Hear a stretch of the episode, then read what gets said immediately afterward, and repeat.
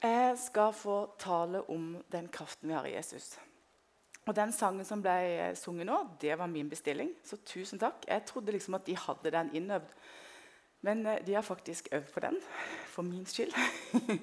Jeg angra litt på den jeg sto der i stad, fordi at jeg begynte selvfølgelig å grine. som jeg alltid gjør, For jeg syns sangen er så sterk. Eh, og det var faktisk den sangen som ga meg det temaet jeg skulle tale over. Eh, I går angra jeg veldig på det. Jeg skal være helt ærlig. Jeg våkna opp og var møkk forkjøla på syvende dag. Sur på de fleste hjemme hos oss. Dere kan bare spørre. Du sitter en der nede som kan bevitne det. eh, og det, det, var en sånn blanding av at eh, det var for stort. Jeg hadde på en måte sjøl foreslått et tema å tale om eh, som var for stort. Kraften i Jesus. Liksom går det an å tale om noe større enn den kraften? For den er jo så enorm. Og hva kunne jeg si om det? Og tenk hvis det ble feil? Og jeg er jo ingenting, for jeg går bare rundt her hjemme og har snørr i hele ans ikke ansiktet, hodet. eh, og, og, I tillegg så har du altså en logistikk for alle dere som har barn på den alderen jeg har. så vet dere også mai og juni. Det er mye. Det er fantastisk fine måneder, men det er veldig mye. Jeg har en travel mann nå som reiser en del. Og det føltes bare som at det er her det er fire uker til vi reiser på ferie, og de fire ukene føles som et rotterace. Og der sto jeg med tårer i øynene og bare tenkte Hva er det jeg har gjort? Det her orker jeg ikke. Da, det er akkurat som en stemme som kommer inn i hodet mitt som sier Nå kan du velge, Heidi. Du kan velge om du vil se på alt dette og se på deg sjøl, eller om du vil se på meg. Og det er Gud. Og Da står jeg der og så blir jeg litt sånn ydmyk. så tenker jeg, Det hjelper iallfall ikke å se på meg sjøl, for der er det ikke mye å hente. Jeg syns ikke det var så mye å hente hos de andre heller hjemme. hvis jeg skal være helt ærlig. Men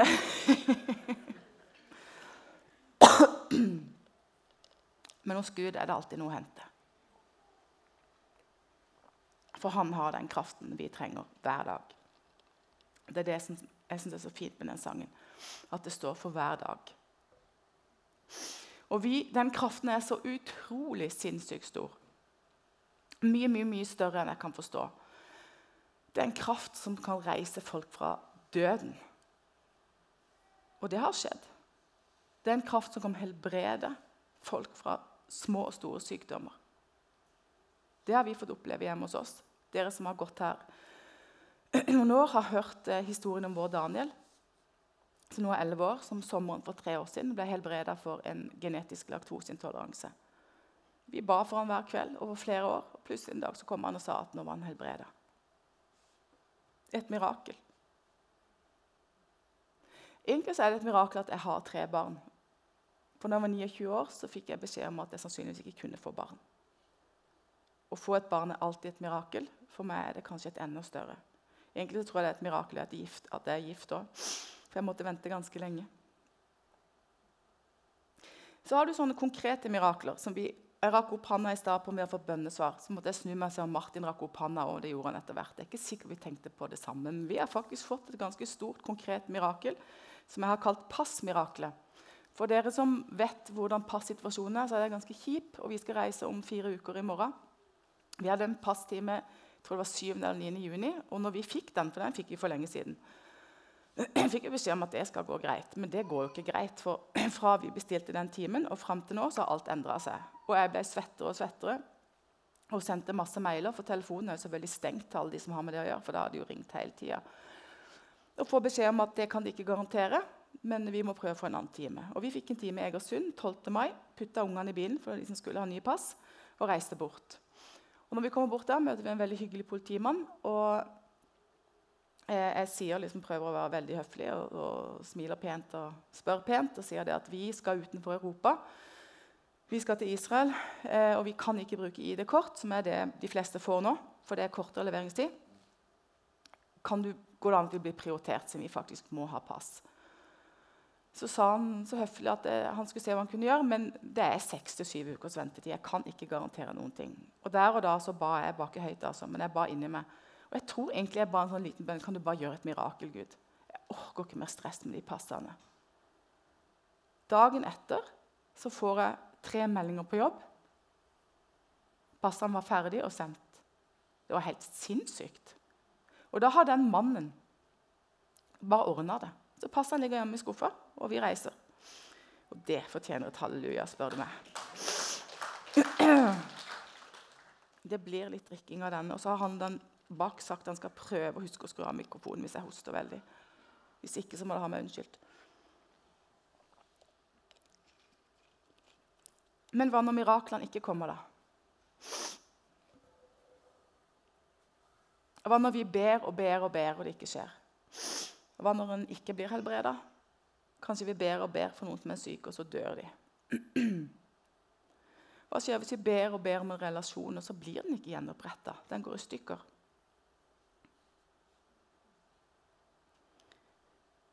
Vi håper og vi håper, og vi lengter etter at denne kraften skal ta oss ut av noe. Nå! Og så skjer det ikke. Hvor er kraften, da? Vi synger at den kraften som reiste Jesus opp fra døden, den er vår. Men det som er så fantastisk fint, og kanskje Jeg skal ikke si at det er finere, men det er iallfall like fint. Det er det at den kraften og den samme kraften som var med Jesus de, tre da, eller de dagene før i påska. Og da gikk han gjennom en helt umenneskelig lidelse. Og Det var egentlig fantastisk at du leste det du gjorde, Odd Arild, i innledninga. Dette her er ropet som vi ser gjennom hele Bibelen. Mennesker som roper til Gud. Hvor er du, Gud? Jesus ropte det på korset òg. Hvorfor har du forlatt meg? Jeg har ropt det mange ganger i mitt liv. Hvor er du, Gud? Og Jesus han opplevde en ekstrem fysisk lidelse, og han opplevde også en ekstrem lidelse. Han ble, han svikta, han ble hånt midt i det. Og den samme kraften som vi kan gjennom den lidelsen, det var også den samme kraften som reiste han opp igjen. Og den samme kraften, den har vi òg. Så vi har en kraft til å gå igjennom ting. For det er dessverre ikke sånn at vi alltid bare løftes ut av ting. Og jeg vet ikke hvorfor det er sånn. Men jeg vet at vi har fått noe som kan hjelpe oss gjennom. Og det har jeg òg fått oppleve. Og igjen så kan jeg nå snakke om hver dag. For jeg får lov å oppleve en kraft som er med meg gjennom hverdagen, som kan være litt slitsomme. Innimellom. Jeg hadde en uh, ganske stor krise i livet for 20 år siden. Jeg skal komme tilbake til den senere. Der var Gud med gjennom. Jeg ser det nå. Jeg skal ikke si at jeg så det da. Jeg har leddgikt. Jeg fikk den diagnosen for åtte år siden. Ble vel egentlig syk for ni år siden. Jeg er ikke blitt helbreda. Det mangler ikke på bønn og ønsker. Men kraft har jeg fått til hver dag. Til de dagene der hvor det går veldig greit til de dagene der ingen ser det, og jeg ligger hjemme og bare er trøtt og egentlig ikke orker noen ting og har vondt. Og til de dagene i dag der jeg ser på en måte konsekvensene av å leve med et nedsatt immunforsvar pga. medisiner. Men kraften, den har jeg gjennom.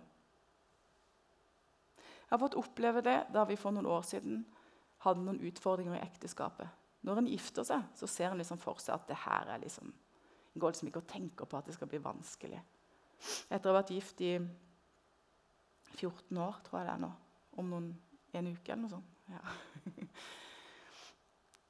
Så syns jeg jo ikke det er så rart, da. Når en bor så tett sammen og opplever så mye. Men jeg har fått oppleve at Gud er med gjennom det òg.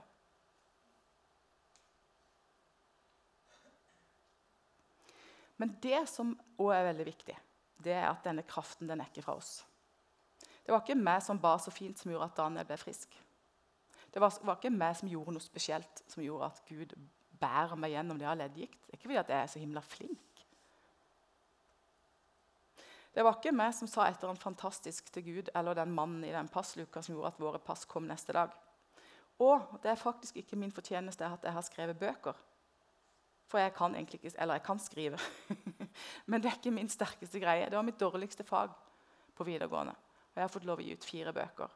Fordi jeg har fått lov å gi mine fisker og brød til Jesus. Og så er det hans kraft som gjør det. Og det er så utrolig viktig at ikke vi går rundt og tenker at jeg skal produsere en kraft, eller jeg skal fortjene en kraft, eller jeg skal si noe på en spesiell måte, eller jeg skal be noe på en spesiell måte. Og hvis ikke jeg gjør det, nei, da, da, da er det lost. For kraften, den er fra Gud, og den er ikke fra oss. Og Det er det veldig mange bibelvers om. Jeg skal lese en del seinere. Men det, jeg vil bare si, gå inn og les her, så ser dere hvor kilden til kraften er. Og hvordan alle menneskene i denne boka her og går igjennom ting. Hvor de finner kraften sin.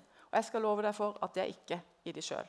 Og det er en tale for seg sjøl, og den kan jeg ikke holde nå, for da blir jeg aldri ferdig. Og så har iallfall jeg stått der mange ganger, og det kan være det andre enn meg som har det.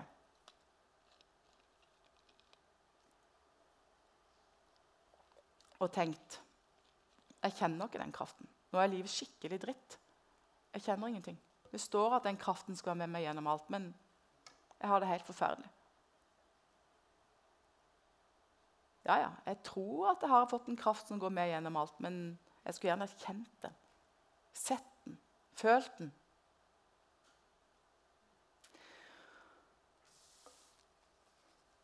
Nå skal jeg lese fra Jesaja 40, tror det er 29. 40, 29. Han gir den trette kraft, og den som ingen krefter har, gir han styrke. Jeg synes bare det er så fint, det, for da slås det liksom fast at vi blir trøtte. Vi mister kraft. Punktum. Det er liksom sånn det er. Det er ikke noe sånn at det er noe vi forskånes for. Det står jo her at det kommer til å skje. De gir han stor styrke. Og så står det gutter kan bli trøtte og slitne. Unge menn kan snuble og falle. Og igjen vi blir tror, de, tror han mener jenter òg. Eller kanskje bare det er mannfolk som blir trøtte. Nei, det er tull. Vi kan bli trøtte og slitne. og For meg så blir det liksom det bildet på den der hverdagsslitenheten, trøttheten, som jeg kan gå og kjenne på. Og så har du noen snubler og faller. Det blir liksom for meg det der bildet på når en går på trynet. Sånn skikkelig i livet. Eller når livet går på trynet, og du nesten ikke klarer å følge med. Og så kommer det. Men de som venter på Herren, de får ny kraft. Ikke de som gjør det eller det, eller får til det eller det. Men de som venter på Herren. De løfter vingene som ørnen. De løper og blir ikke utmatta, og de går og blir ikke trøtte. De løfter vingene som ørnen. Og Dette er et bilde som jeg, jeg, har hørt det utrolig mange ganger i taler. Og jeg har egentlig tenkt at det er litt brukt opp, men det er så vanvittig bra. Fordi ørnen flyr ikke og flakser ikke. Den svever. Den tar ut vingene sine sånn, og så svever den på sånne luftstrømmer som kommer under. Så det er ikke tilfeldig at det er ørnen som blir brukt her. Det er liksom ikke en kaklende høne. For jeg tror mange ganger når livet blir kjipt og det koker i hodet, så blir jeg mer som en kaklende høne. Jeg løper rundt og prøver å få til alle ting og kommanderer og prøver kontroll oppi her. Prøver å finne løsninger. Men det er ikke der. For jeg har veldig lite i meg sjøl. Og jeg er veldig lite ørn, kan jeg love deg. Jeg er mer den derre høna. Men ørnen, den gjør egentlig ikke så mye. For det er Gud som gjør det. Så jeg skal øve meg litt på å legge vekk det der eh, kaklende greier. Og så skal jeg prøve å bare ta ut vingene mine og så skal jeg prøve å flyte på det Gud gir meg. Og det er en øvelse. Og jeg tror ikke at ørnen alltid kjenner eller Nå, nå, nå beveger jeg meg på litt tynn grunn, men jeg synes det er et fint bilde. så jeg prøver med. Når ørnen flyr der, så tror ikke jeg nødvendigvis den kjenner kraften som bærer den. Jeg tror at ørnen, hvis den har følelser, så kan den godt føle mye rart og ha det både bra og dårlig når den svever der. Og jeg tror ikke at den kjenner nå kommer det en kraft der, og nå kommer det en kraft der. Og Jeg tror ikke alltid at vi kjenner kraften som bærer oss. For 20 år siden, da var jeg 28 år, så opplevde jeg en krise som kasta meg inn i en svær troskrise og en svær identitetskrise.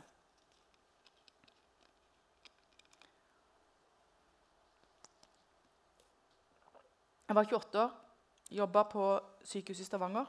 Eh, bodde alene, var singel da. Det var faktisk ganske mange år før jeg traff Martin. Eh, og jeg elska jobben min.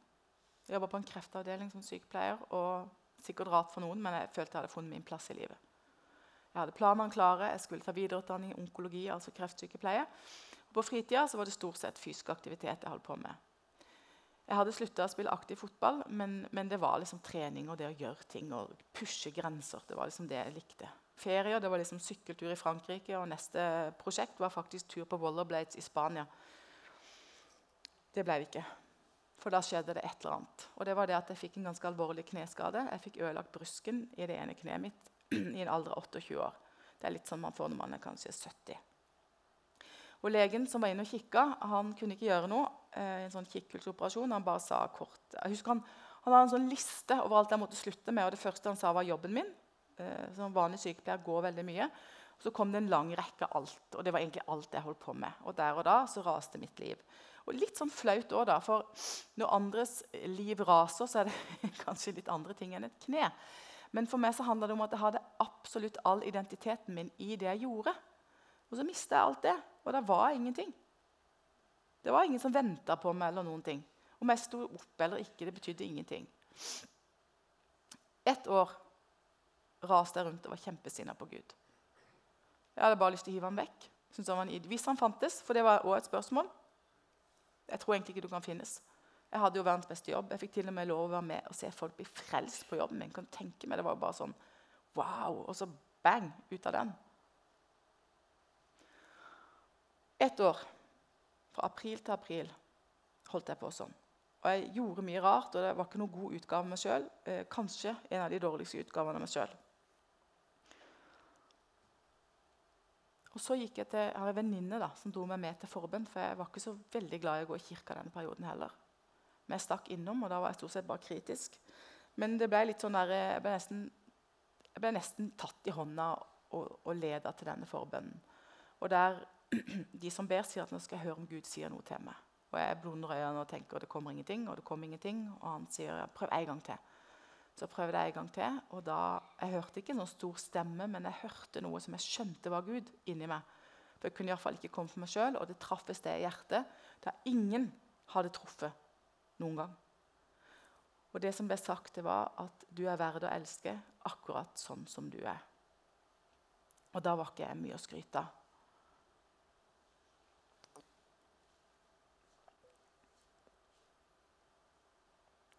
Det snudde opp ned på hele livet mitt.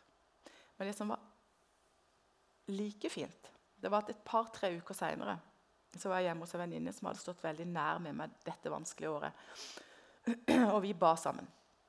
Og da viste eh, hva skal jeg si, Da fikk jeg se et, et, bilde.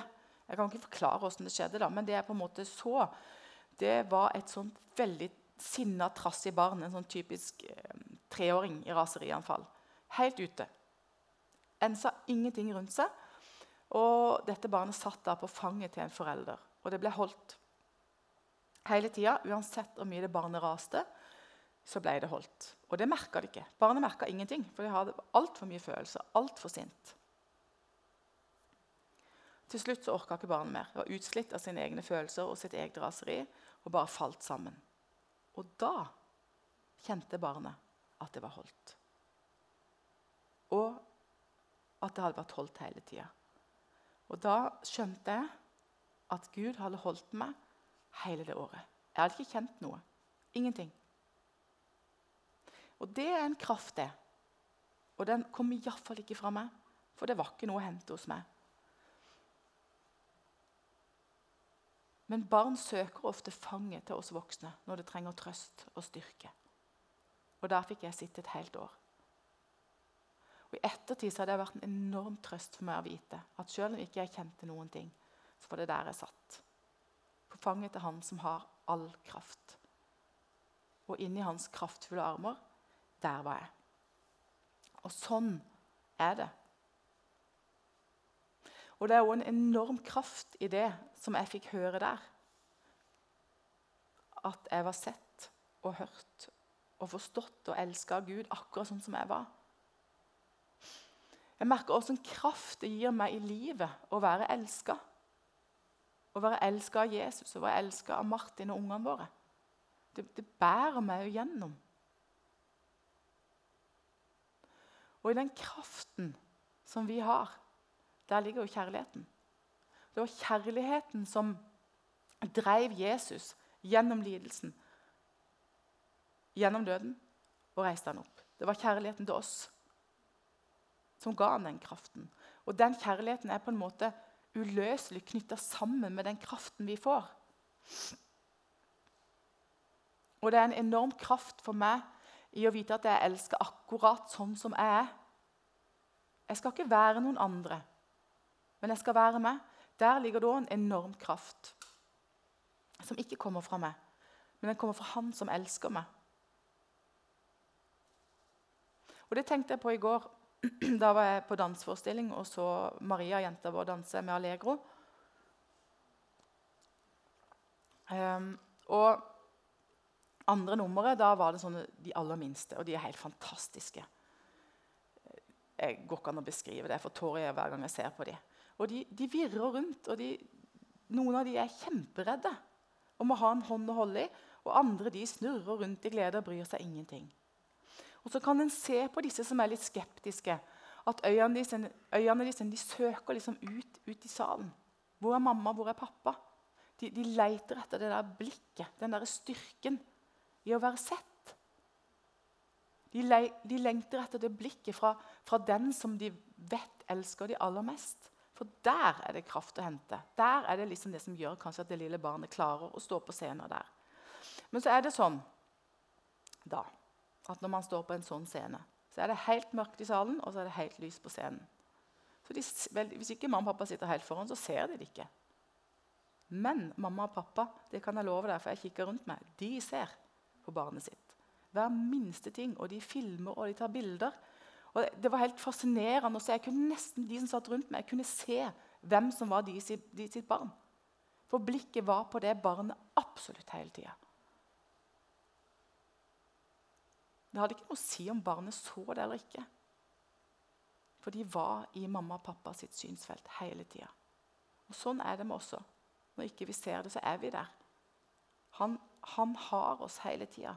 I armer, i, i synsfeltet sitt, i omsorgen sin.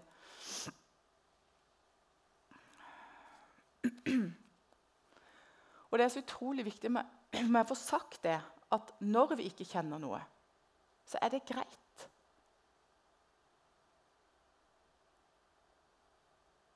Men jeg, samtidig så kommer det opp et spørsmål òg.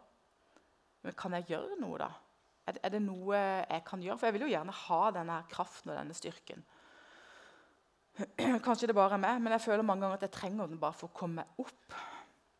For ikke snakke om å få tre unger og mann ut døra. Nei, det var litt stygt sagt. Men, men, spesielt de dagene jeg er alene med det. En dag i uka er jeg alene med ungene, og da skal jeg på jobb. Og, og, nå har vi unger som er såpass store at de begynner å bli vanskelig å få opp. Og det er jo en ny utfordring når man har født B-mennesker og A-mennesker sjøl. For jeg klarer ikke helt å forstå hvorfor ikke de bare kan reise opp av senga.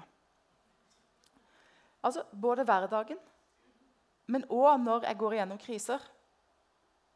Nå er jeg heldigvis ikke i noen stor krise nå, men det er dessverre sånn at jeg vet jo at det kommer. En eller annen gang så kommer det et eller annet som jeg møter. Og jeg, jeg vet at det ene jeg kan gjøre, det er å tenke tilbake på det jeg allerede har fått erfare. At sjøl om jeg ikke kjenner noe, så er jeg i hans kraft. Da bærer han meg. Men så har jeg lest litt i Bibelen. Og Hvis jeg går tilbake til Jesaja 40, 29, som jeg leste i stad eh, Der sto det jo 'Men de som venter på Herren, får ny kraft'. Og Hvis en leser Amplified, Bibelen, amerikansk utgave, der hvor det er kommentarer, der har man med eh, litt forskjellige betydninger av ordene så står det da at 'venter' så står det tre ord som det kan bety. da. Og Det ene er uh, faktisk at man skal se på Gud.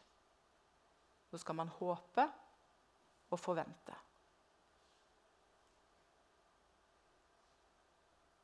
Altså Men de som forventer, de som håper, og de som ser på, på Gud, der er det en kraft. Og igjen, som jeg sier, den er der hele tida. Men det er, tror Gud Jesus vil at vi skal kjenne den òg noen ganger.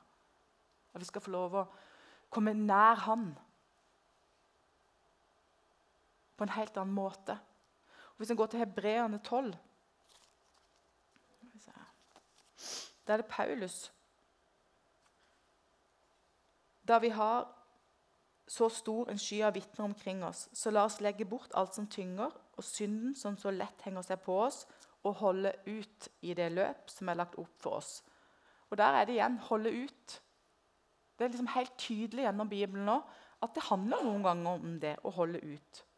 Og hvordan skal vi holde ut? Med blikket festa på Han som er troens opphavsmann, opphavsmann og fullender Jesus. Det er det samme. For å holde ut så vet jeg at det hjelper å kikke på Jesus. Det siste det er den kjente historien om når Peter går på vannet.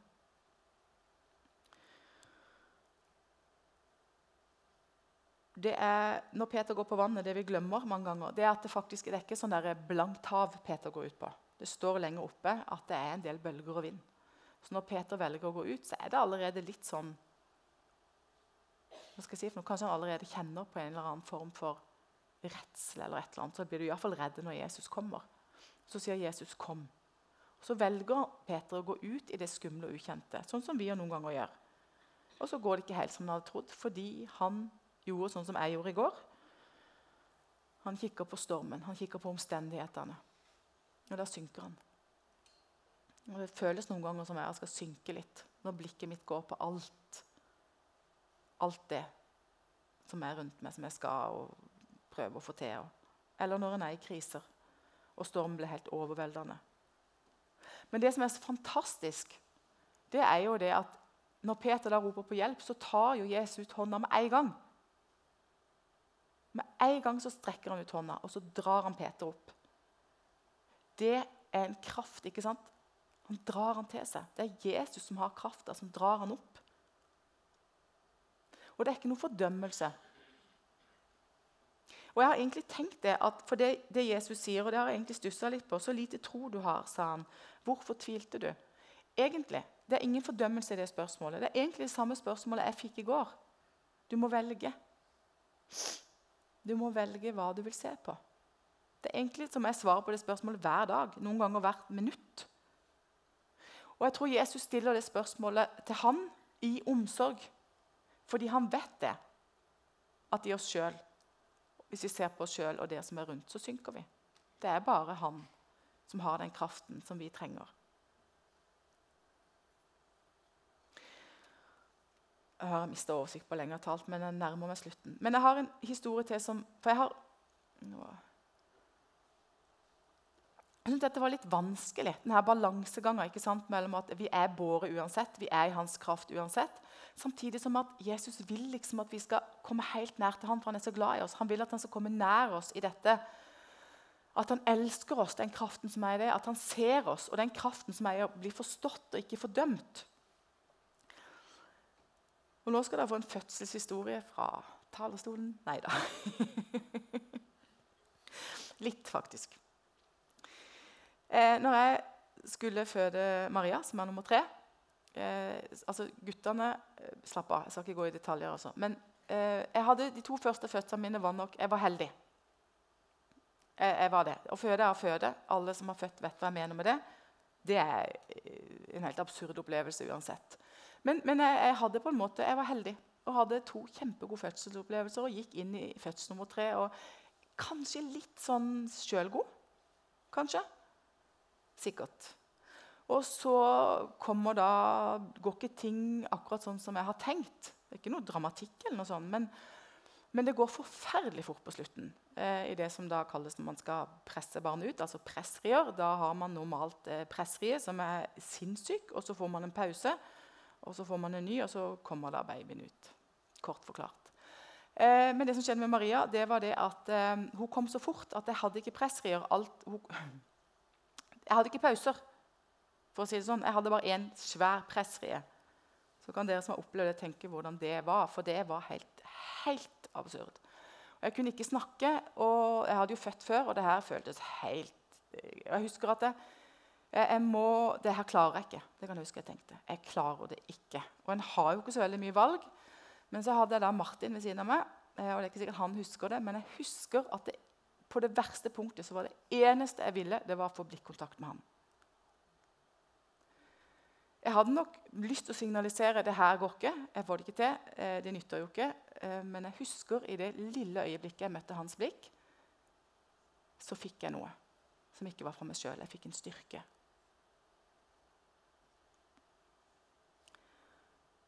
Jeg fikk lov å se inn i blikket på en som elsker meg. En som forstår meg, en som jeg stoler på. Jeg stoler ikke alltid på at han gjør alt sånn som jeg vil, for det har jeg gitt opp. Men jeg vet at han vil, vil meg vel. Jeg vet at hvis det er én på denne jord som vil meg vel, så er det min mann. Og han sto der. Og det er der jeg tenker at Jesus har lyst til å være. Det er aldri noe krav, men han har lyst til å være den som vi faktisk kikker på. Somme. Det er bare en som vil stjele opplevelse som man elsker å bruke. for at vi kan få. Og når jeg leste fra brevet å gå min i seg sjøl, var det farlig å bare Det er ekstremt. Bare visste hvor mye jeg bekymra om de der passene. PCR-testene som vi måtte ta for å reise ned. Alt det, det er jo vekke. Jeg har brukt enormt mange timer på å sitte med det. Alt det, det. Så ringer Martin hjem. Jeg har brukt enormt mange timer på å sitte med det. Så ringer Martin hjem og sier nei, nå er det PCR-greiene i Israel avlåst. Vi kan bare reise. Det er jo egentlig bagateller, da, selv om jeg ikke følte sånn. Med ungene mine, da, åssen skal det gå med de? Tenk hvis, tenk hvis, tenk hvis. Tenk hvis mamma dør. Hun dør jo. altså, Hun er ikke syk, det høres sånn ut. Men skjønner du, det som er sikkert, det er at jeg kommer til å miste noen hvis ikke jeg dør først sjøl. Det er jo forferdelig å si, men det er jo sant. Vi vet jo at det er sånn det er. Nå skal ikke vi dø, da. Vi skal få leve med Jesus. Men jeg vil jo ikke miste mine. ikke sant? Men jeg, jeg, kan, jeg kan, gå inn i sånne bekymringer. Og jeg kan love deg at der er det ikke mye kraft.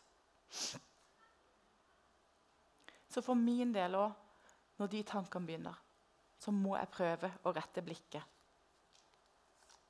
på Han som har all styrken.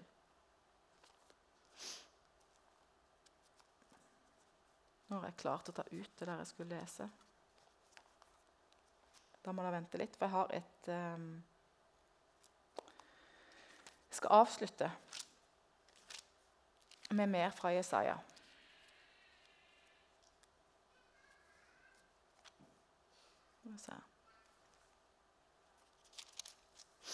Jesaja 41, vers 10. Vær ikke redd. Og den er iallfall til meg i forhold til alle de bekymringene jeg kan ha. Jeg kan ha for jeg er med deg. Se deg ikke rådvill omkring, for jeg er din Gud. Jeg gjør deg sterk.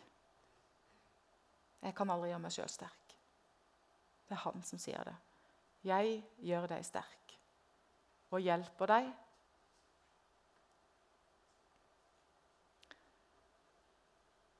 Ja, unnskyld, jeg holder deg oppe med min frelseshånd. Og For meg da kommer det bildet av Jesus og Peter for meg. At når jeg ikke har noen ting, da kommer den hånda, og så er det det som er min styrke. Jeg gjør deg sterk, og jeg hjelper deg. Ja, jeg holder deg oppe med min frelserhånd. Kjære Jesus, takk for det. Takk for det at det handler aldri om meg. Takk for at den styrken vi har i deg, er helt ubeskrivelig. Jeg ber om at jeg og alle som er her, må få lov å oppleve enda mer av den. At det bærer uansett. Og dra oss helt nær til deg, så vi ser at du ser alltid på oss. Og du elsker oss, og du forstår oss. Og du gir oss det vi trenger. Amen.